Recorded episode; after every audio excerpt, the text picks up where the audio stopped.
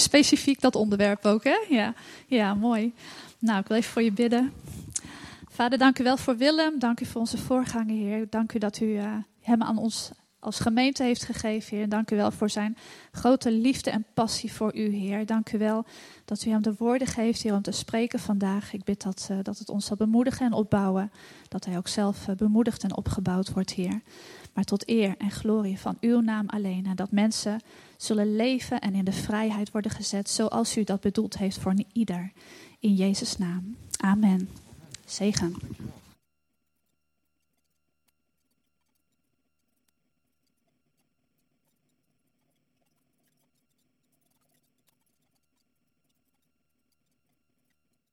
Goedemorgen.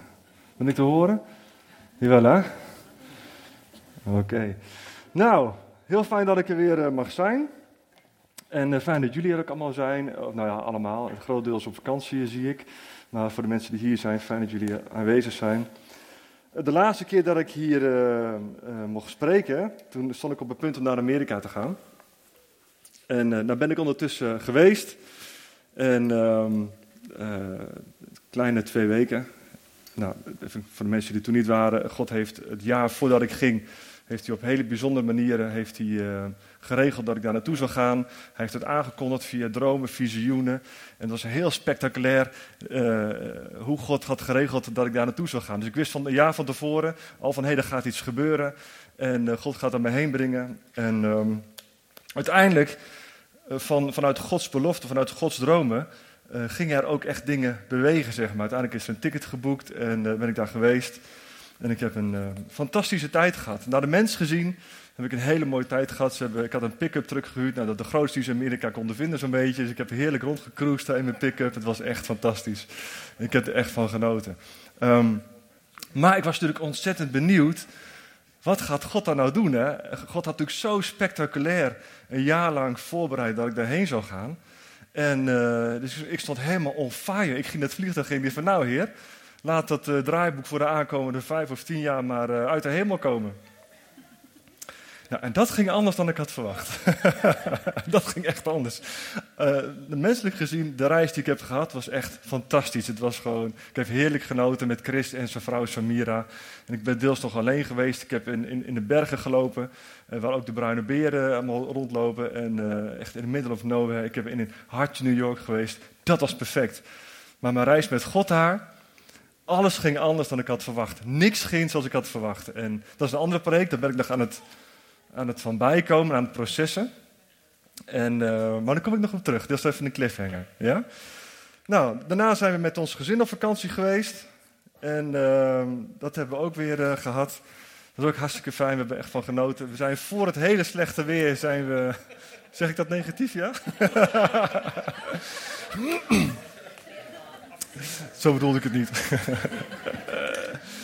voor, uh, oh, ja, nou, oh, mijn vrouw begint al te manifesteren. Dus. oh, mijn terugvlucht, ja. ja. We waren voor het slechte weer waren we, waren we weer, weer terug. Ik zag wel boven Milaan zag een enorme zwarte bewolking hangen. Maar voordat de hagelstenen als, ja, wat heb ik allemaal gelezen, golfballen, eieren er mede kwamen, zaten wij al thuis. Maar de terugvlucht had nog wel wat voet in de aarde. Wij zouden s'avonds om half zeven vliegen.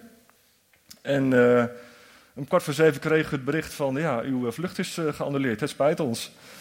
Nou, daar sta je dan met z'n zessen. ja, en nu? En wij zijn niet van die mensen die dan gelijk in gaan zeggen van, oh, wat overkomt ons nu? En ach, heer, en dit. We gaan gewoon gelijk in de regelstand. Nou ja, en om kwart voor zeven was het vliegtuig geannuleerd. En twee uur later zaten we al in ons hotel. Ehm, met de taxi waren mooi gebracht. En hadden de dag daarna een terugvlucht. Dus uiteindelijk is alles goed gekomen. Maar op het moment dat je zo ziet van uh, gecanceld, denk je toch even van, nou, oké. En nu? Dus uiteindelijk zijn we, dat was wel grappig, we gingen van de camping af. En er reed een, uh, een auto weg. En dat, dat stel kenden wij. En, uh, en zij ging naar Nederland. Wij gingen met de huurauto uit het vliegtuig. En eigenlijk dachten we van, nou weet je wel, hun komen morgen pas thuis. wij vliegen gewoon even gauw naar Nederland. 1 uur 20. Maar uiteindelijk denk ik, dat zij gewonnen hebben. Ja, ja, ja, Want wij waren pas de dag daarna om, uh, om 9 uur thuis. Dus we zijn 32 uur onderweg geweest. Dus, nou, dus dat kan ik weer uh, toevoegen aan onze uh, ja, levensjourney.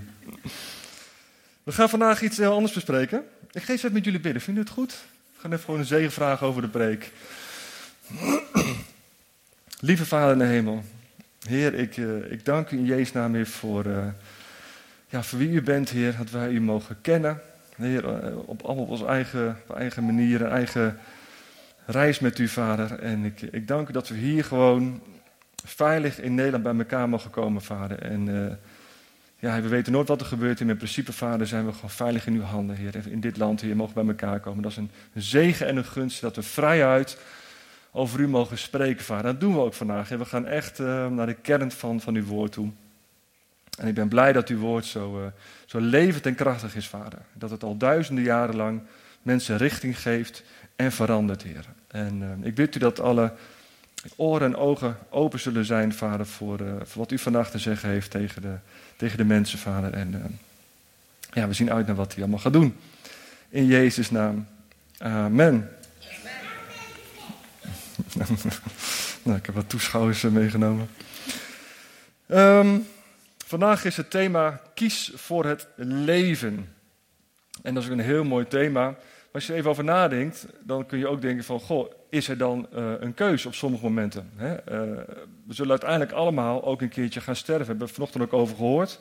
En uh, in onze vriendenkring of in, of, in, of in, onze families zullen uiteindelijk mensen gaan wegvallen. En uiteindelijk komt er ook een moment dat we zelf een keertje zullen gaan wegvallen hier. Dus mijn thema is kies het leven, maar is dat dan ook echt een keus? En dat is, dat is zeker wel een keus, dat is heel verrassend. En uh, spreken over, over, uh, over dood over doodgaan is soms een beetje lastig. Hè? Het is een beetje een ongemakkelijk onderwerp. En uh, daarom hebben we ook allemaal van die spreekwoorden bedacht. Zoals van, nou, je blaast je laatste adem uit. Of je legt het loodje. Of het klokje tikt niet meer. Hè? Maar als je christen bent, dan zeg je, we gaan hemelen. Dat zeg je dan. Hè? Dan zijn we heel netjes, dan gaan we hemelen. Nou, het is ook waar trouwens. Maar het is niet zo bedoeld dat we voor deze keuze kwamen te staan. En um, voor de eerste keer dat er over de dood wordt gesproken, dat is uiteraard in Genesis. Mag de eerste dia er even op. De eerste keer dat God over de dood spreekt, dan is hij eigenlijk net klaar met, met de schepping. Hij heeft de hele uh, hemel en aarde heeft hij gemaakt. Hij heeft de, de zeeën vol met vissen en leven gemaakt. De aarde vol met prachtige bloemen. En heeft Adam en Eva neergezet. En dan geeft hij Adam en Eva een instructie. Nou, als je bij Defensie zit, ik heb bij Defensie gezeten tien jaar, dan krijg je voor alles een instructiekaart. Een IK heet dat. He, zelfs voor, de, voor je schoenen strikken, voor je, voor je bed opmaken, voor, je, voor, je, nou, voor alles wat er te bedenken valt in het leger, heb je een instructiekaart. En zo geeft in principe God ook een, een IK, een instructiekaart aan Adam en Eva. Hij zegt daar, hij waarschuwde hem, je mag van alle bomen in de tuin eten zoveel je wil, maar je mag niet eten van de boom van kennis en goed en kwaad. Want op de dag dat je daarvan eet, zul je sterven. Op de dag dat je daarvan eet, zul je sterven. Nou, en hier begint het al gelijk heel interessant te worden. Hier staat duidelijk, op de dag dat je daarvan eet, zul je sterven. Maar we weten natuurlijk dat Adam en Eva hierna nog heel lang geleefd hebben. Die zijn niet ter plekke dood neergevallen toen ze van die vrucht gingen eten. Laten we zeggen, voor het gemak de appel. Hè? Ze hebben nog honderden jaren zelfs uh, daarna nog geleefd. En ik heb een keer een verhaal gehoord, ik heb het nooit gecheckt. Misschien wel leuk voor thuis. Um, het schijnt als je dus de, de, de, generaties doorrekent, dat zelfs Adam en Eva um, Noach nog gekend zouden moeten hebben. Nou, is leuk voor thuis. maar in geval, het is een feit dat, dat jarenlang nadat uh, ze van die appel gegeten hebben, dat ze nog geleefd hebben, honderden jaren. Maar toch staat hier, op de dag dat je daarvan eet, zul je sterven. Nou, is Gods woord dan niet waar? Gods woord is altijd waar. En het spreekt zichzelf ook nooit tegen. Ze zijn later dood gegaan, maar ze zijn ook op dat moment dood gegaan. En dat maakt het interessant. Als je naar het Hebreeuwse woord kijkt, wat daar staat, dan staat, ja, ik weet niet of het goed uitspreekt, moot staat er. M-O-O-T-H, moot. En dat betekent letterlijk en figuurlijk doodgaan. Wat, wat daar gebeurd is, Adam en Eva zijn op dat moment figuurlijk, je mag ook zeggen geestelijk dood te gaan en later fysiek dood te gaan. Nou, dat, dat, dat figuurlijke doodgaan, dat, dat, eigenlijk spreken we daar nooit over. Je zegt nooit van, ja, gisteren is, uh, gisteren is mijn buurvrouw overleden. Goh, is uh, geestelijk of, is uh, letterlijk of figuurlijk dood te gaan, weet je wel? Dat is natuurlijk heel raar, dat, dat zeg je niet. Dat is altijd letterlijk natuurlijk. Maar op dat moment dat Adam en Eva van de verboden vrucht aten, kwam gelijk de zonde in hun leven. De dood ging regeren in hun leven. Zij werden van een, van een onsterfelijk persoon die alleen maar goed kende, die alleen maar goede dingen kende, kwam de zonde in hun. Nou, en wij zijn allemaal vertrouwd geraakt met de zonde. Boosheid, jaloezie, angst, pijn, onreinheid. Noem maar op. Alle dingen waar we mee te maken hebben in deze wereld, waar je zelf mee te maken hebt, zijn toen eigenlijk in Adam en Eva gekomen. Ze zijn geestelijk, figuurlijk dood gegaan. Hun ogen werden gesloten als het ware. Er kwam een bedekking over hen heen en zij konden God niet meer zo zien en ervaren als daarvoor. Er kwam scheiding tussen God en de mens. Op dat moment, instant, op die dag, zijn ze geestelijk gestorven. En honderden jaren later zijn ze letterlijk, fysiek doodgegaan. Nou, ik zei net al, de Bijbel spreekt zichzelf niet tegen. Maar gaan we even naar de volgende dia. Moet kijken wat daar dan staat. Dat is een mega interessante. Wat Jezus hier zegt. Jezus zegt, ik ben de opstanding en het leven. Wie in mij gelooft, zal leven. Ook wanneer hij sterft. En in ieder die leeft en in mij gelooft, zal nooit sterven. Wat staat hier? Wat zegt Jezus daar nou? Hij zegt daar, wie in mij gelooft zal leven, ook wanneer hij sterft. En ieder die leeft en in mij gelooft, zal nooit sterven. Wat is dat? Wat staat er nou precies? Mega interessant. Het gaat even over het eerste stukje. Daar gaan we mee beginnen. Ik ben de opstanding en het leven. Jezus is de eerste persoon die uit de dood is opgestaan, uit zichzelf en ook niet meer zal sterven. De eerste en de enige tot nu toe. Ja? Er zijn meerdere mensen uit de dood opgestaan. Er zijn bijbelse voorbeelden van. Zoals Lazarus en eh, de zoon van Elia en nog wat voorbeelden van mensen die uit de dood terugkwamen. Maar uiteindelijk zijn zij weer gestorven. Jezus is de enige, moet je goed over nadenken, Jezus is de enige die dood gegaan is en door de kracht van God uit het dodenrijk teruggekomen is. De enige. Hij is de opstanding. Dat is een megawonder. Er is niemand in deze tijd die nog leeft uit bijvoorbeeld de middeleeuwen. Of uit de renaissance. Of een van de machtige koningen van vroeger, weet je wel.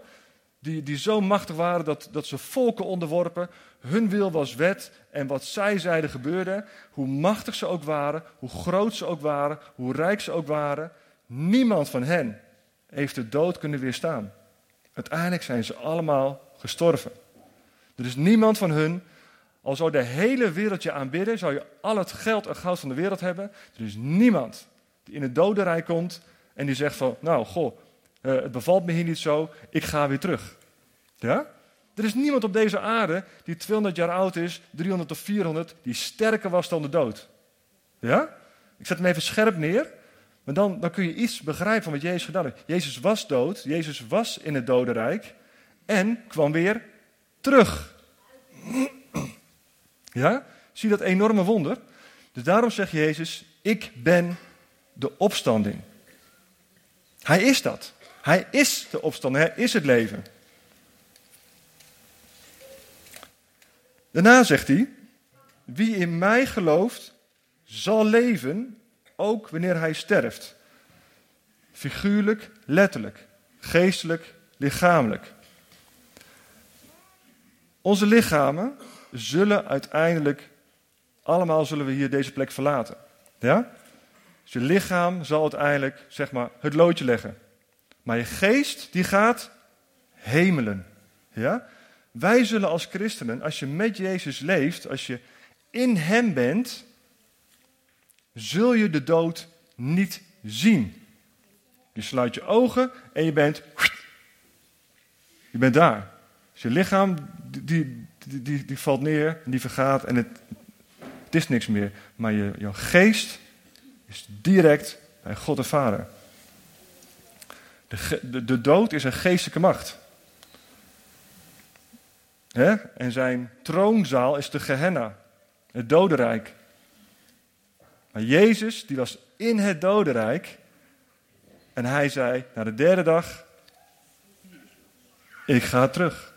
Ik heb de dood overwonnen. En in hem hebben wij de dood overwonnen. Dus als wij komen te overlijden, zijn we direct bij onze hemelse vader. Ja? Moet je voorstellen wat voor wonder dat is. Het is ongelooflijk. Zelfs, even een voorbeeldje.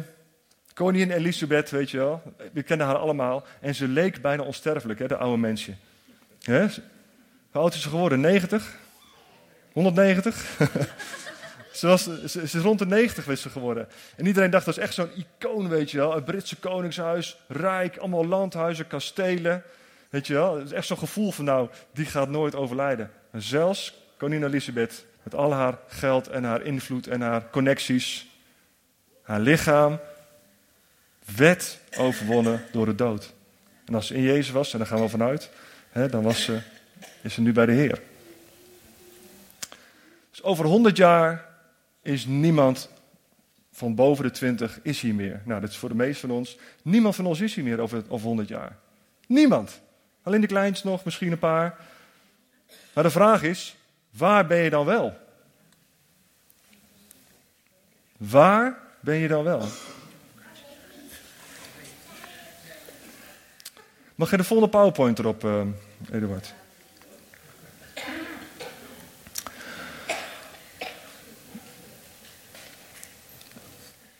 Vroeger waren jullie geestelijk dood. Dat kwam door jullie ongehoorzaamheid aan God en door de slechte dingen die jullie deden. Want jullie leefden op de manier waarop de ongelovige mensen nu eenmaal leven. Ze laten zich leiden door de duivel, de leider van de onzichtbare machten. Hij is de geest die werkt in de mensen die God niet gehoorzamen. Het gaat even het eerste zinnetje. Vroeger waren jullie geestelijk dood. Dus de Bijbel erkent hier dat er sprake is van een fysieke dood en een geestelijke dood. Ja? Figuurlijk en letterlijk. Geestelijk en lichamelijk.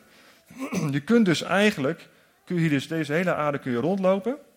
En fysiek gewoon prima in orde zijn, maar geestelijk dood zijn. Je kunt God niet snappen. Je kunt het niet pakken, je kunt het niet begrijpen. En je hoort erover en je leest erover, maar je kunt het net niet bij.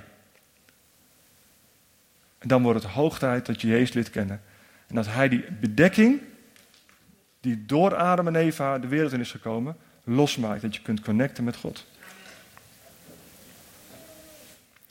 Nou, dan gaan we eens even inzoomen op wat het allemaal betekend heeft voor ons als mensen. Hè? Wat er allemaal met die zondeval.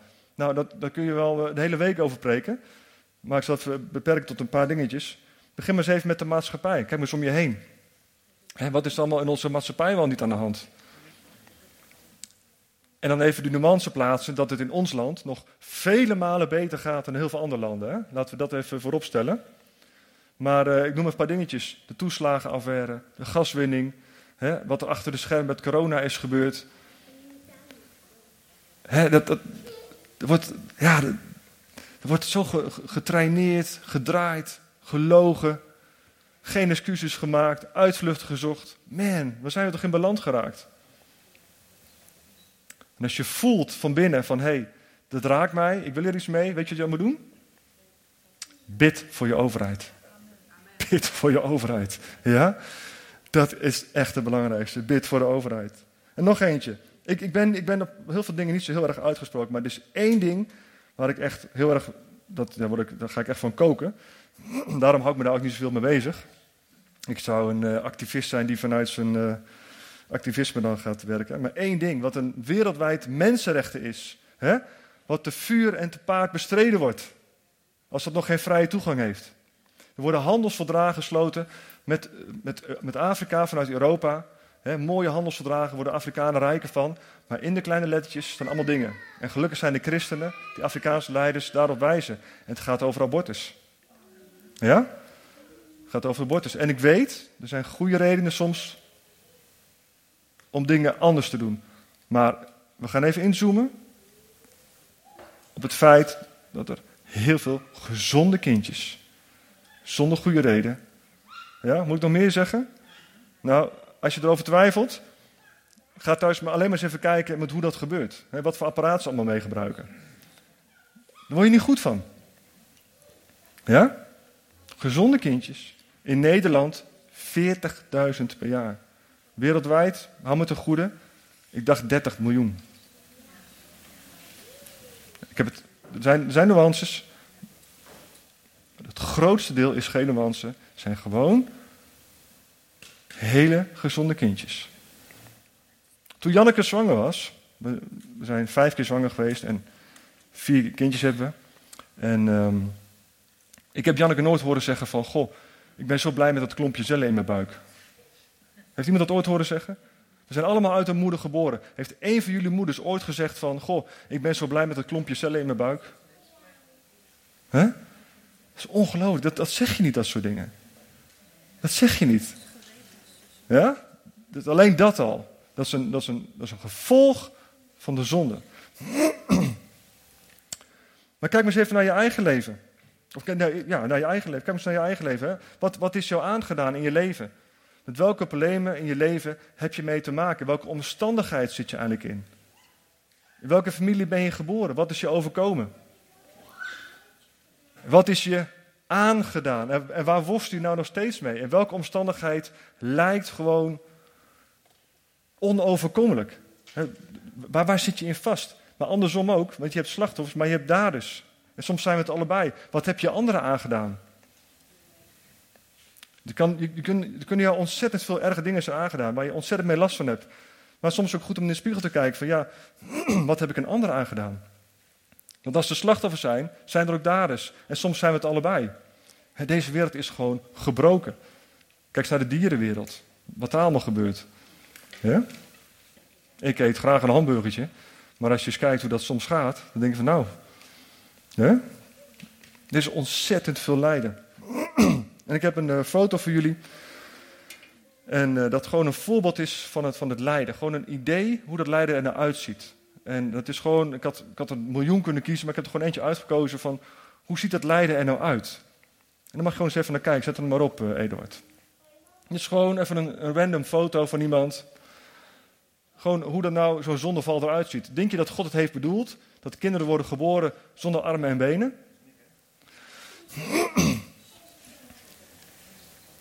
Even hoesten. God heeft niet bedoeld dat kinderen worden geboren zoals hij, weet je wel? Zonder armen en benen. God heeft bedoeld dat we gezond zouden zijn. Naar ziel, geest en lichaam. Dus gewoon even een plaatje wat het lijden in deze wereld symboliseert. Kijk, kijk wat een lief jongetje dat is. Zit er daar met, met, met, met, met, met zijn pet op op het strand, gewoon op zijn romp neergezet. Hij kan niks. Weet je wel? Het symboliseert misschien wel het lijden in deze wereld. Het symboliseert misschien wel het lijden waar jij nou in zit. De pijn waar je in zit. De hopeloosheid waar je in zit. Zo'n klein jongetje op het strand. Zo'n bal heeft hij op zich, die rechte foto. Ja, wat kan hij? Met zijn stompje op en neer, weet je wel. Het is gewoon echt zielig. Ja? Even, een, even een ideetje van hoe dat lijden er nou uitziet.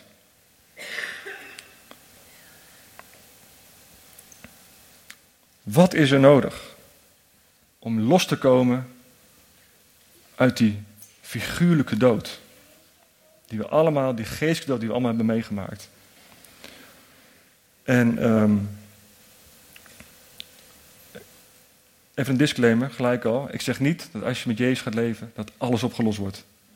Zo is het niet. Maar het lijden met Jezus is wel heel anders.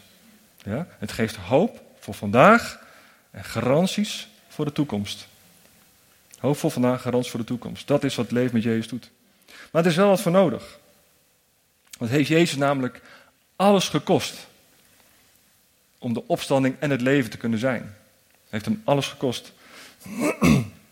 En dan mag de volgende tekst er even op. Ook weer zo'n pareltje. Als je wil, maak me foto's van die PowerPoint hoor. Dat zijn echt zulke mooie, zulke mooie teksten die ik allemaal laten zien straks. Ik zal nog eventjes in de, in de app zetten vanmiddag, kan nog nalezen. Waarachtig, ik verzeker u, niemand kan het koninkrijk van God binnengaan, tenzij hij geboren wordt uit water en geest. wat geboren is uit de mens, is menselijk. En wat geboren is uit de geest, is geestelijk. We zijn allemaal geboren uit een mens. We zijn menselijk.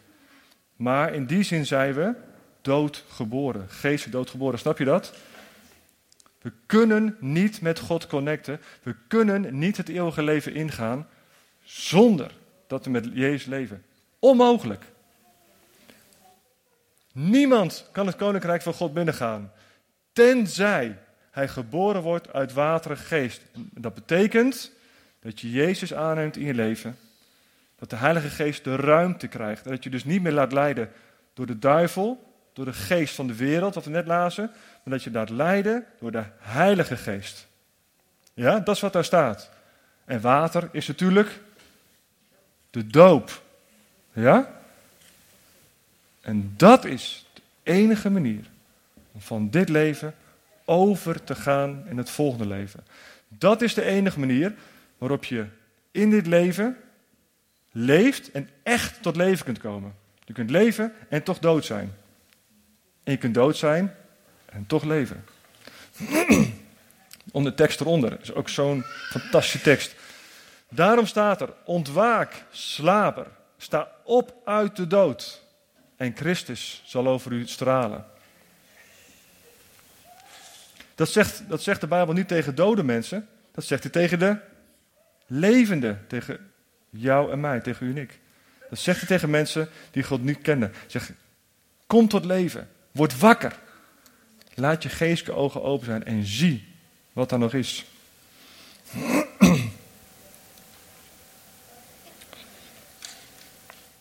Mag de volgende er even op.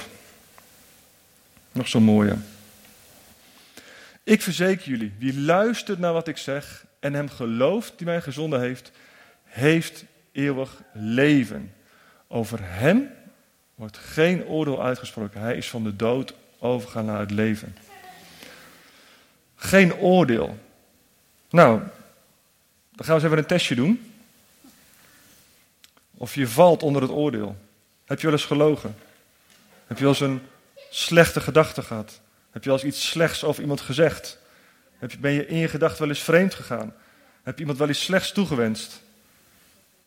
Heb je jezelf wel eens jouw eigen belang wel eens boven dat van de anderen gesteld? Nou, kan ik nog even doorgaan? Het zijn allemaal dingen waarvan God zegt: Ik haat het. Waarom? Omdat het zonde is. En zonde gaat tegen Gods karakter in. En God kan daar niks mee. En daarom is Jezus gekomen, daarom is hij dood geweest en daarom is hij opgestaan.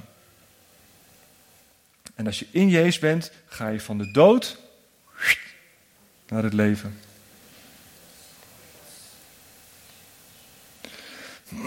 God doet een uitnodiging. God is een, een God die, die eindeloos en vol met genade en liefde is. Zijn open armen zijn bijna onbegrensd. Er is een moment dat, dat je keuze afloopt. Maar zolang op deze aarde rondloopt, is er een keuze om met God te leven. En hij is zo liefdevol. Doe de volgende tekst maar. Hij smeekt je bijna om te komen. Vandaag horen de hemel en de aarde wat ik tegen jullie zeg. Zij zijn mijn getuigen. Ik laat jullie kiezen tussen het leven en de dood. Je mag kiezen. Je mag kiezen tussen de zegen en de vervloeking. De zegen is de goede dingen die God je wil geven. En dat zijn er heel veel. En de vervloekingen zijn alle werken van de wereld en van de duivel. En de zonde. Nou, wat wil je? Hij zegt, kies alsjeblieft het leven. Hij smeet je bijna, kies het leven. Zodat jullie zullen leven. En jullie familie na je ook. Ja? Dus de, de, de keuzes die jij maakt, hebben mega gevolgen voor je nageslacht. Ja? De keuzes die je ouders hebben gemaakt voor jou vroeger, hebben gevolgen voor jou. En de keuzes die jij maakt en je hebt kinderen, hebben gevolgen voor de kinderen.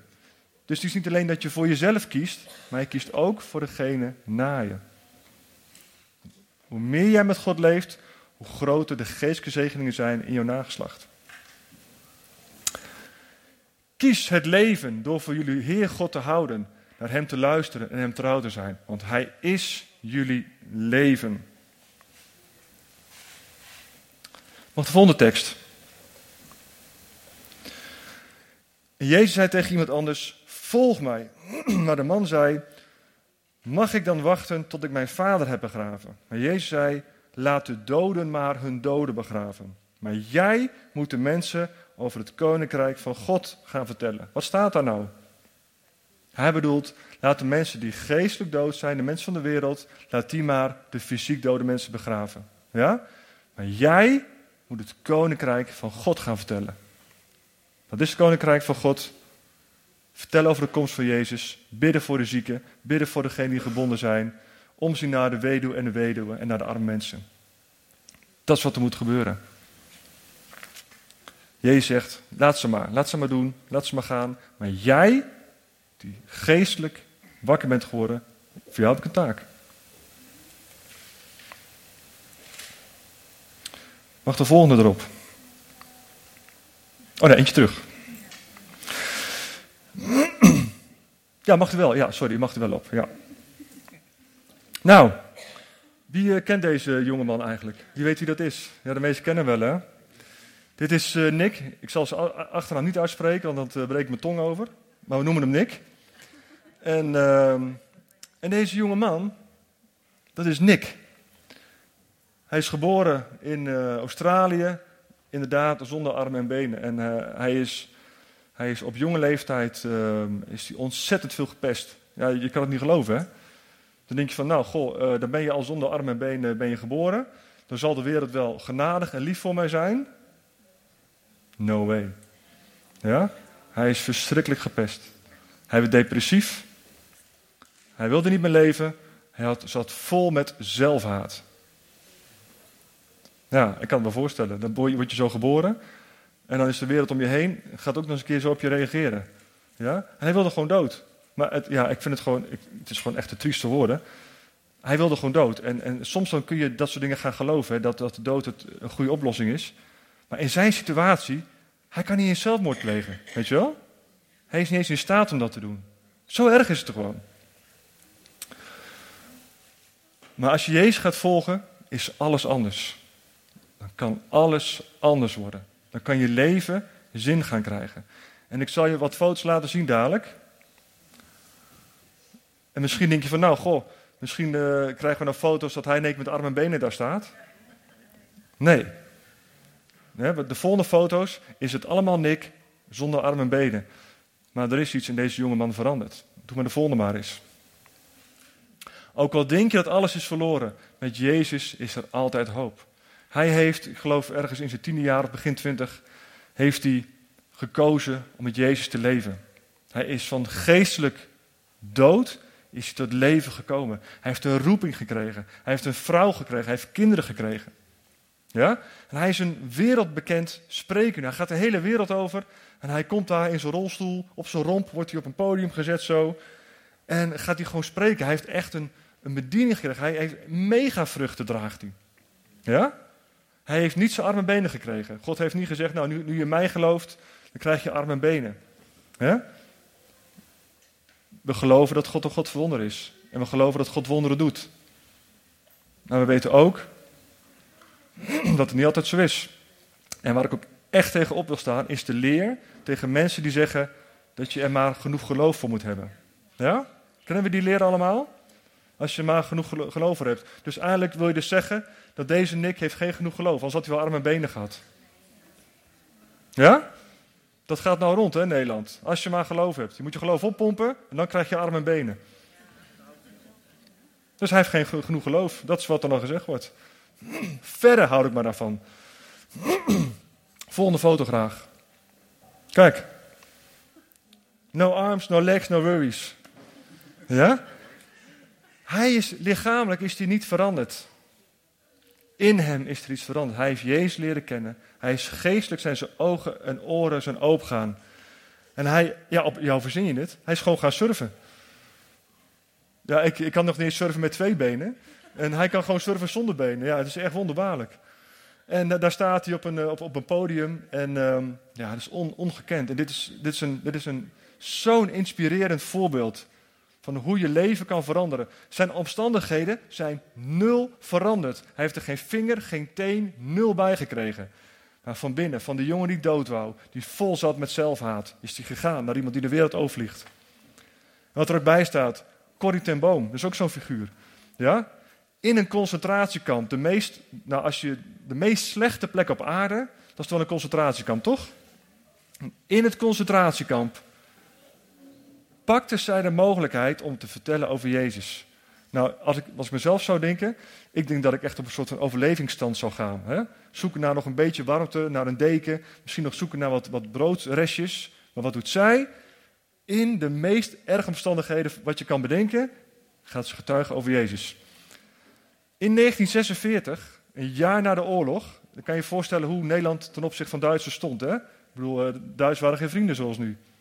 In 1946 is naar Duitsland toegegaan, een jaar na de oorlog. En heeft ze de kampbewaarders heeft ze vergeven.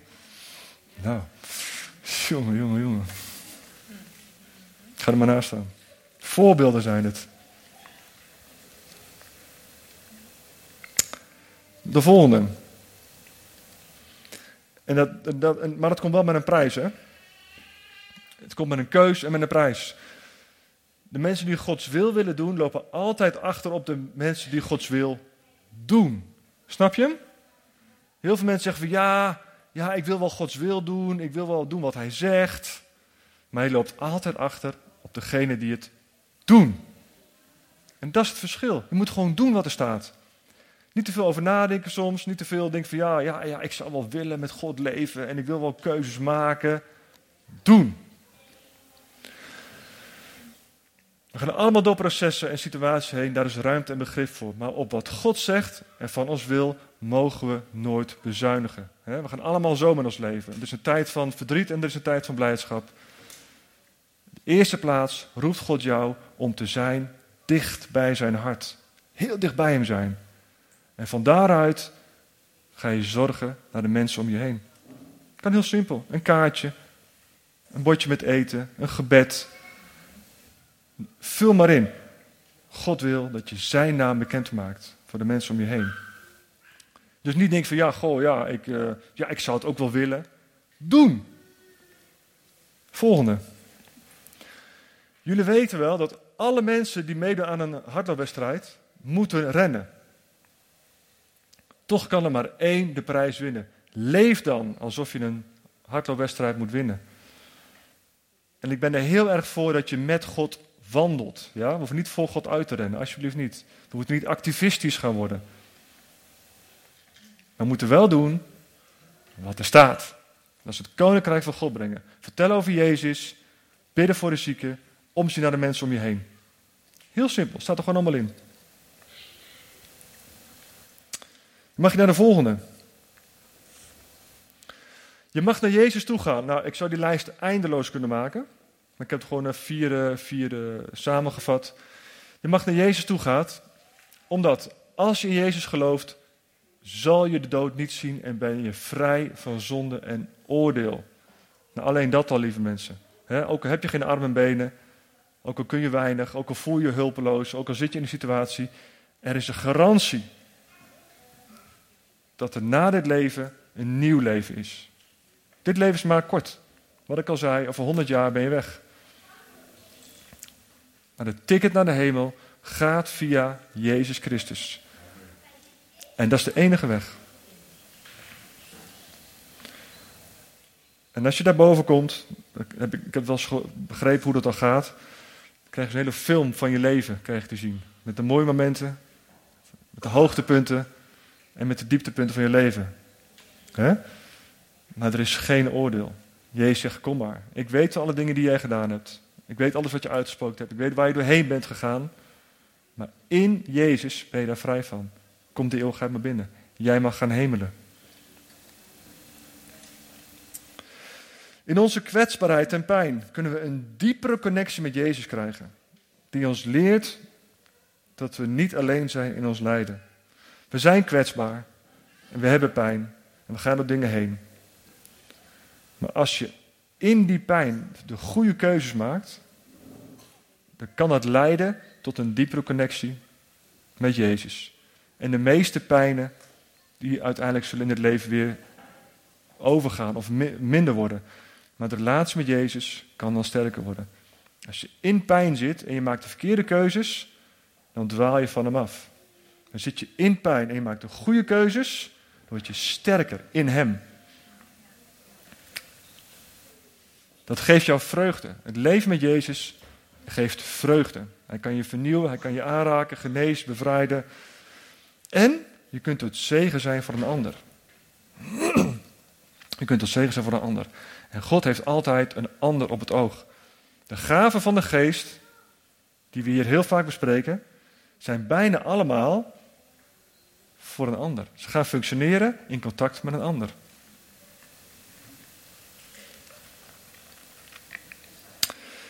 Je bent geroepen om Jezus liefde zichtbaar te maken met talenten die jou zijn gegeven.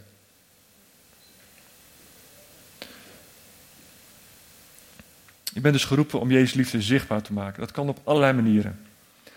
En uh, je hebt een hele mooie Bijbeltekst. En er staat: Dring erop aan, gelegen of ongelegen. Nou, en uh, we hebben heel vaak gedacht dat het ging om als het bij die ander ongelegen was. Maar het gaat om jou. Als het bij jou ongelegen komt. Maar God dringt je aan van: hé, hey, vertel iets van mijn liefde. Dat je dan mag uitstappen. Je mag altijd een keus maken om uitstappen om iets over Jezus te vertellen. Met de talenten die jou zijn gegeven. Dus misschien ben jij wel iemand die ontzettend goed uh, voorbeden kan doen. Je hebt heel veel tijd, je zit thuis, je hebt niet zoveel om handen.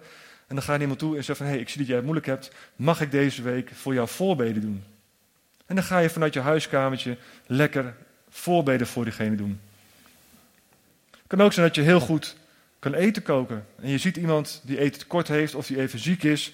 Dat je zegt van, hé, hey, uit liefde voor Jezus en uit liefde voor jou ga ik deze week even wat eten voor je maken. Vul maar in. Ja? Er zijn oneindig veel wegen en manieren om Jezus liefde uit te delen. Ten eerste aan je broeders en zusters. Ja? En de mensen met wie God elkaar gegeven heeft. En natuurlijk voor de mensen om je heen. In je buurt of waar dan ook.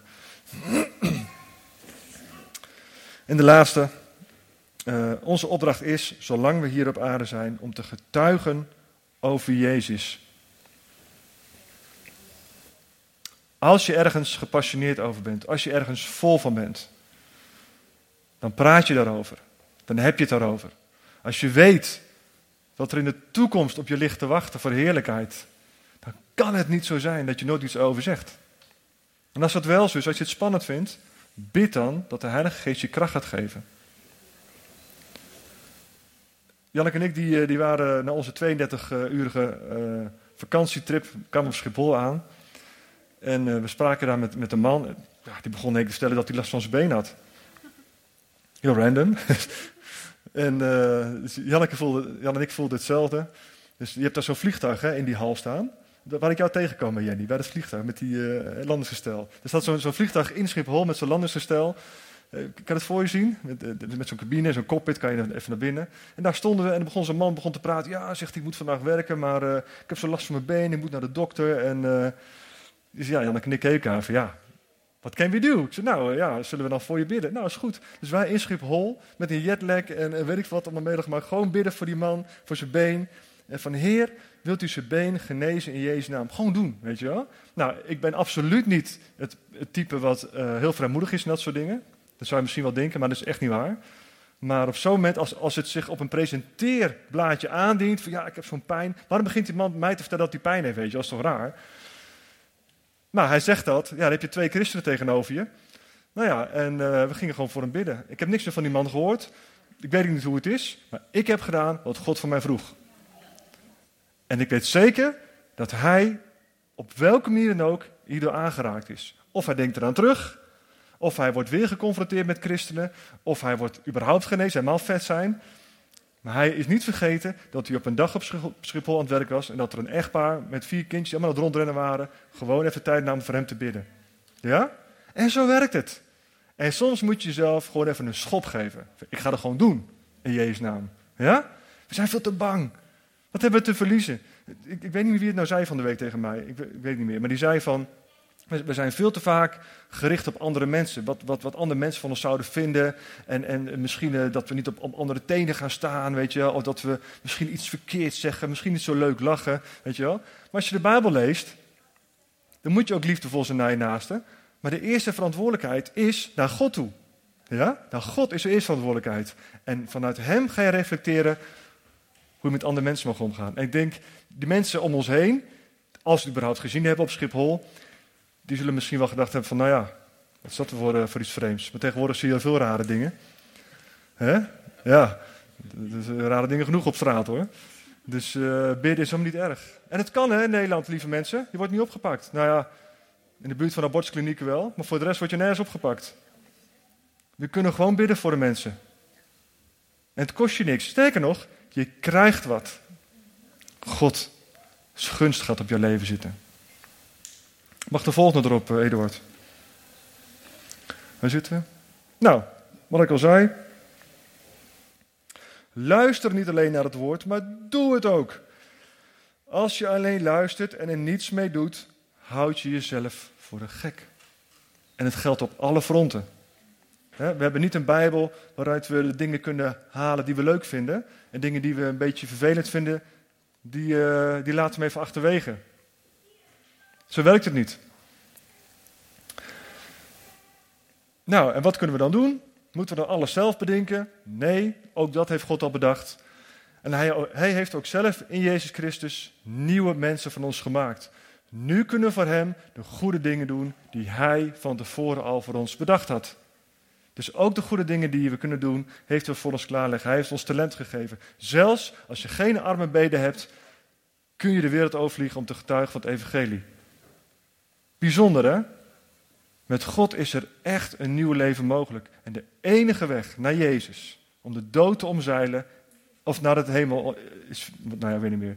In de enige weg naar de hemel is via Jezus. En in dit leven kan je dood zijn en toch leven. In dit leven kan je dood zijn en echt dood zijn. En God zegt, maak alsjeblieft die keus. En ga er ook voor. Niet een stukje, niet een paar bladzijden, niet een paar versen die jou aanspreken. Pak die hele Bijbel en leef het uit. Over honderd jaar ben je niet meer. Er is maar één aan wie je verantwoording moet afleggen. Er is er maar eentje die er was voordat jij er was, die er nu is en die jou opstaat te wachten. Zonder oordeel als je met hem bent in de eeuwigheid. Wat een belofte is dat. Is dat niet super vet? En je hebt nu vandaag de kans om tot leven te komen. Of opnieuw tot leven te komen. Of meer tot leven te komen. Mag de band mag naar voren komen. Dan gaan we lekker een lied zingen. En uh, we gaan na de dienst. Mag je gewoon even over nadenken. Mag je nadenken van, hey, wil ik graag mijn leven Jezus geven? Opnieuw.